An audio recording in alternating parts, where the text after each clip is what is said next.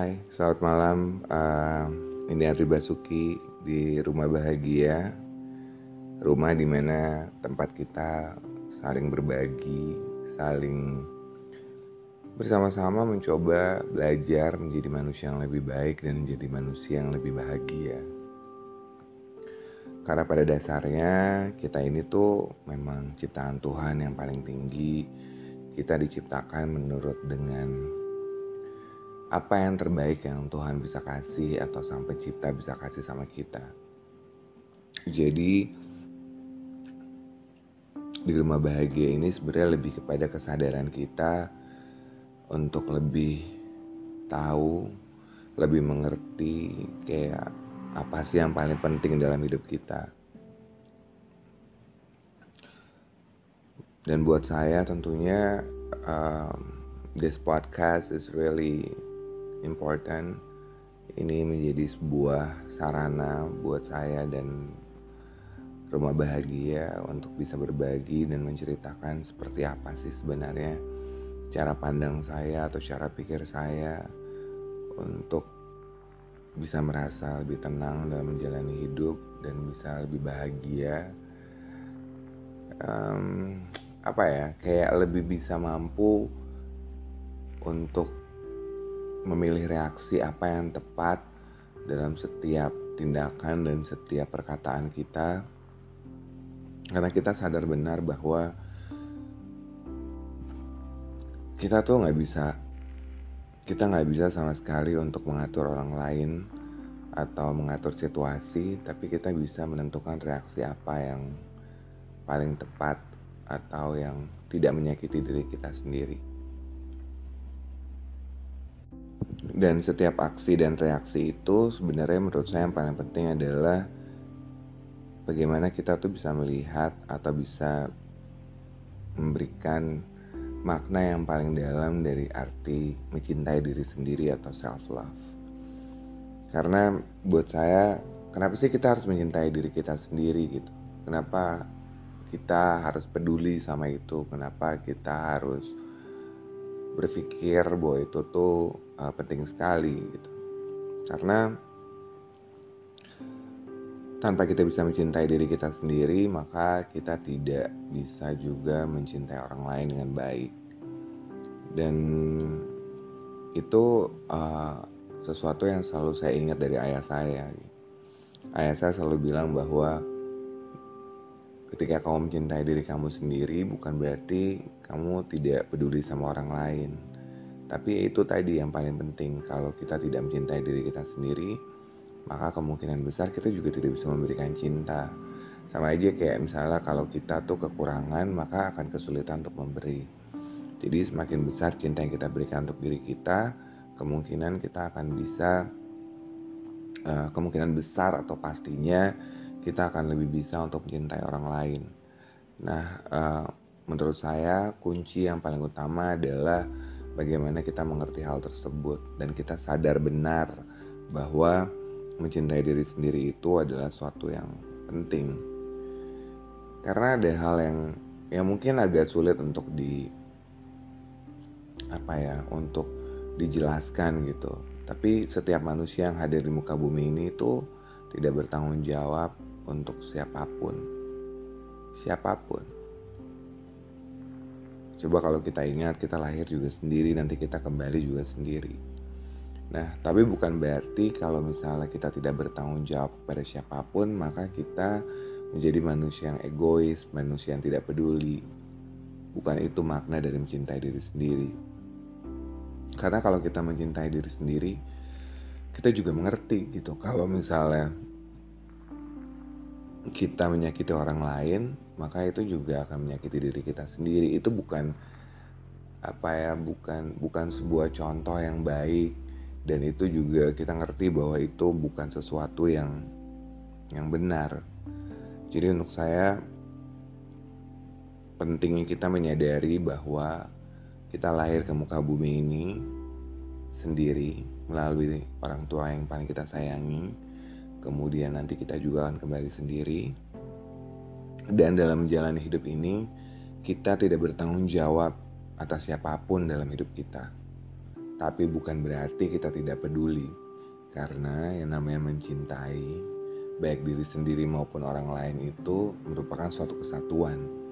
Jadi itu suatu kesatuan yang memang harus kita sadari benar agar kita bisa menjalani hidup dengan baik, menjalani hidup dengan tenang, menjalani hidup dengan nyaman. Atau kalau misalnya kita bisa bilang tuh kita ingin bahagia lahir batin ada banyak hal dan contoh ketika kita tidak mencintai diri sendiri. Sebenarnya contoh yang paling jelas ketika kita tidak mencintai diri kita sendiri adalah coba kalau misalnya uh, kita dalam kondisi yang emosional, kondisi yang marah, penuh kebencian, iri, semua hal yang negatif. Sebenarnya contohnya adalah kita bisa merasakan hal-hal seperti kayak dadanya sakit, dadanya ketekan, dadanya kayak ada beban, kemudian kepala kita pusing, terus kayak tegang, semuanya jadi nggak nggak sinkron, semuanya jadi nggak bagus, rasanya nggak enak, or you can feel like oh, aduh rasanya tuh gak enak banget sih kayak awkward gitu, atau rasanya anxious. Nah itu kan sebenarnya ketika kita bereaksi negatif dan kita lupa bahwa hal-hal tersebut itu menyakiti diri kita karena waktu hal itu terjadi kan rasanya ada di kita. Rasanya tuh emang ada di kita dan kita yang merasakan. Sebenarnya orang lain yang memang mungkin waktu itu bersih tegang dengan kita ada bermasalah dengan kita itu dia akan merasakan rasanya sendiri gitu dan jangan pernah berpikir kalau misalnya contoh kalian marah kemudian orang itu akan terluka gitu. Menurut saya yang paling penting pegang dada kita pegang dada kita dan rasakan bahwa apakah benar ketika kita marah dada kita nggak sakit? Ketika kita marah dada kita nggak kayak ada beban. Nah itu adalah sebuah contoh atau sebuah analogi bahwa kita harus sadar sesadar-sadarnya untuk mencintai diri kita sendiri dengan benar-benar mem memaknai setiap tindakan kita, setiap perkataan kita supaya kita mengerti bahwa kunci dari hidup bahagia adalah yang pertama mencintai diri kita sendiri. Dan selain itu banyak sekali sebenarnya hukum alam. Hukum alam itu ya memang sudah ada gitu bahwa kalau kamu berbuat baik kamu akan mendapatkan baik dan sebenarnya waktu itu saya sempat cari-cari sebenarnya bener gak sih uh, si hukum alam atau yang dikenal dengan law of attraction ini gitu. Tapi ternyata dari teori Newton juga dia bisa menjelaskan bahwa setiap aksi menghasilkan reaksi. Dan kemudian saya mulai mengerti bahwa sebenarnya kata-kata itu bisa ditambah untuk menjadi lebih jelas sehingga kita bisa mengerti. Jadi kalau kita memberikan aksi buruk, maka akan menghasilkan reaksi yang buruk. Kalau kita menghasilkan aksi yang baik, maka kita mendapatkan reaksi yang baik. Jadi yang pertama adalah kalau misalnya kita mencintai diri kita sendiri, bukan berarti kita boleh menyakiti orang lain. Karena adanya hukum alam semesta tadi, bahwa kalau misalnya kita menyakiti orang lain, maka kita juga akan mendapatkan kesakitan dalam bentuk yang lain atau kesakitan dalam diri kita sendiri yang mungkin waktu banyak orang itu tuh sempat bilang kayak itu luka yang masa lalu gitu. Jadi sebenarnya banyak sekali contoh-contoh yang mungkin bisa saya share di rumah bahagia nanti dan uh, semoga berkenan karena ini benar-benar sebuah uh, proses pembelajaran dari pengalaman hidup dan juga dari pertemuan-pertemuan bersama orang-orang luar biasa dalam hidup saya. Jadi kalau bisa dibilang yang paling penting itu adalah dalam kehidupan kita sehari-hari berusaha untuk berpikir positif, berkata-kata positif, bertindak laku positif.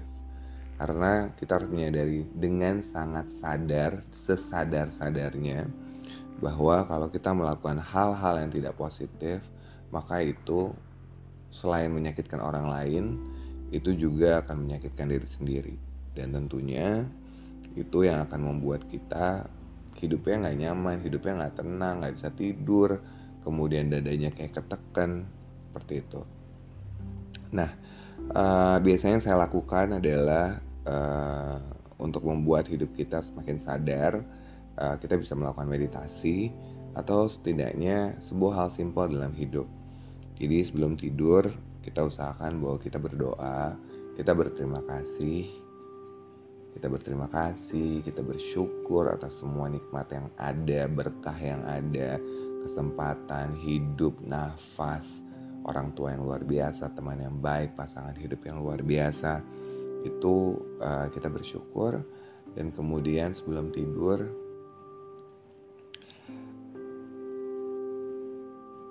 peluk diri kita. Kita peluk, kita rasakan bahwa kita menyayangi diri kita sendiri. And then you can say that I love you. Like kamu bilang untuk diri kamu sendiri I love you.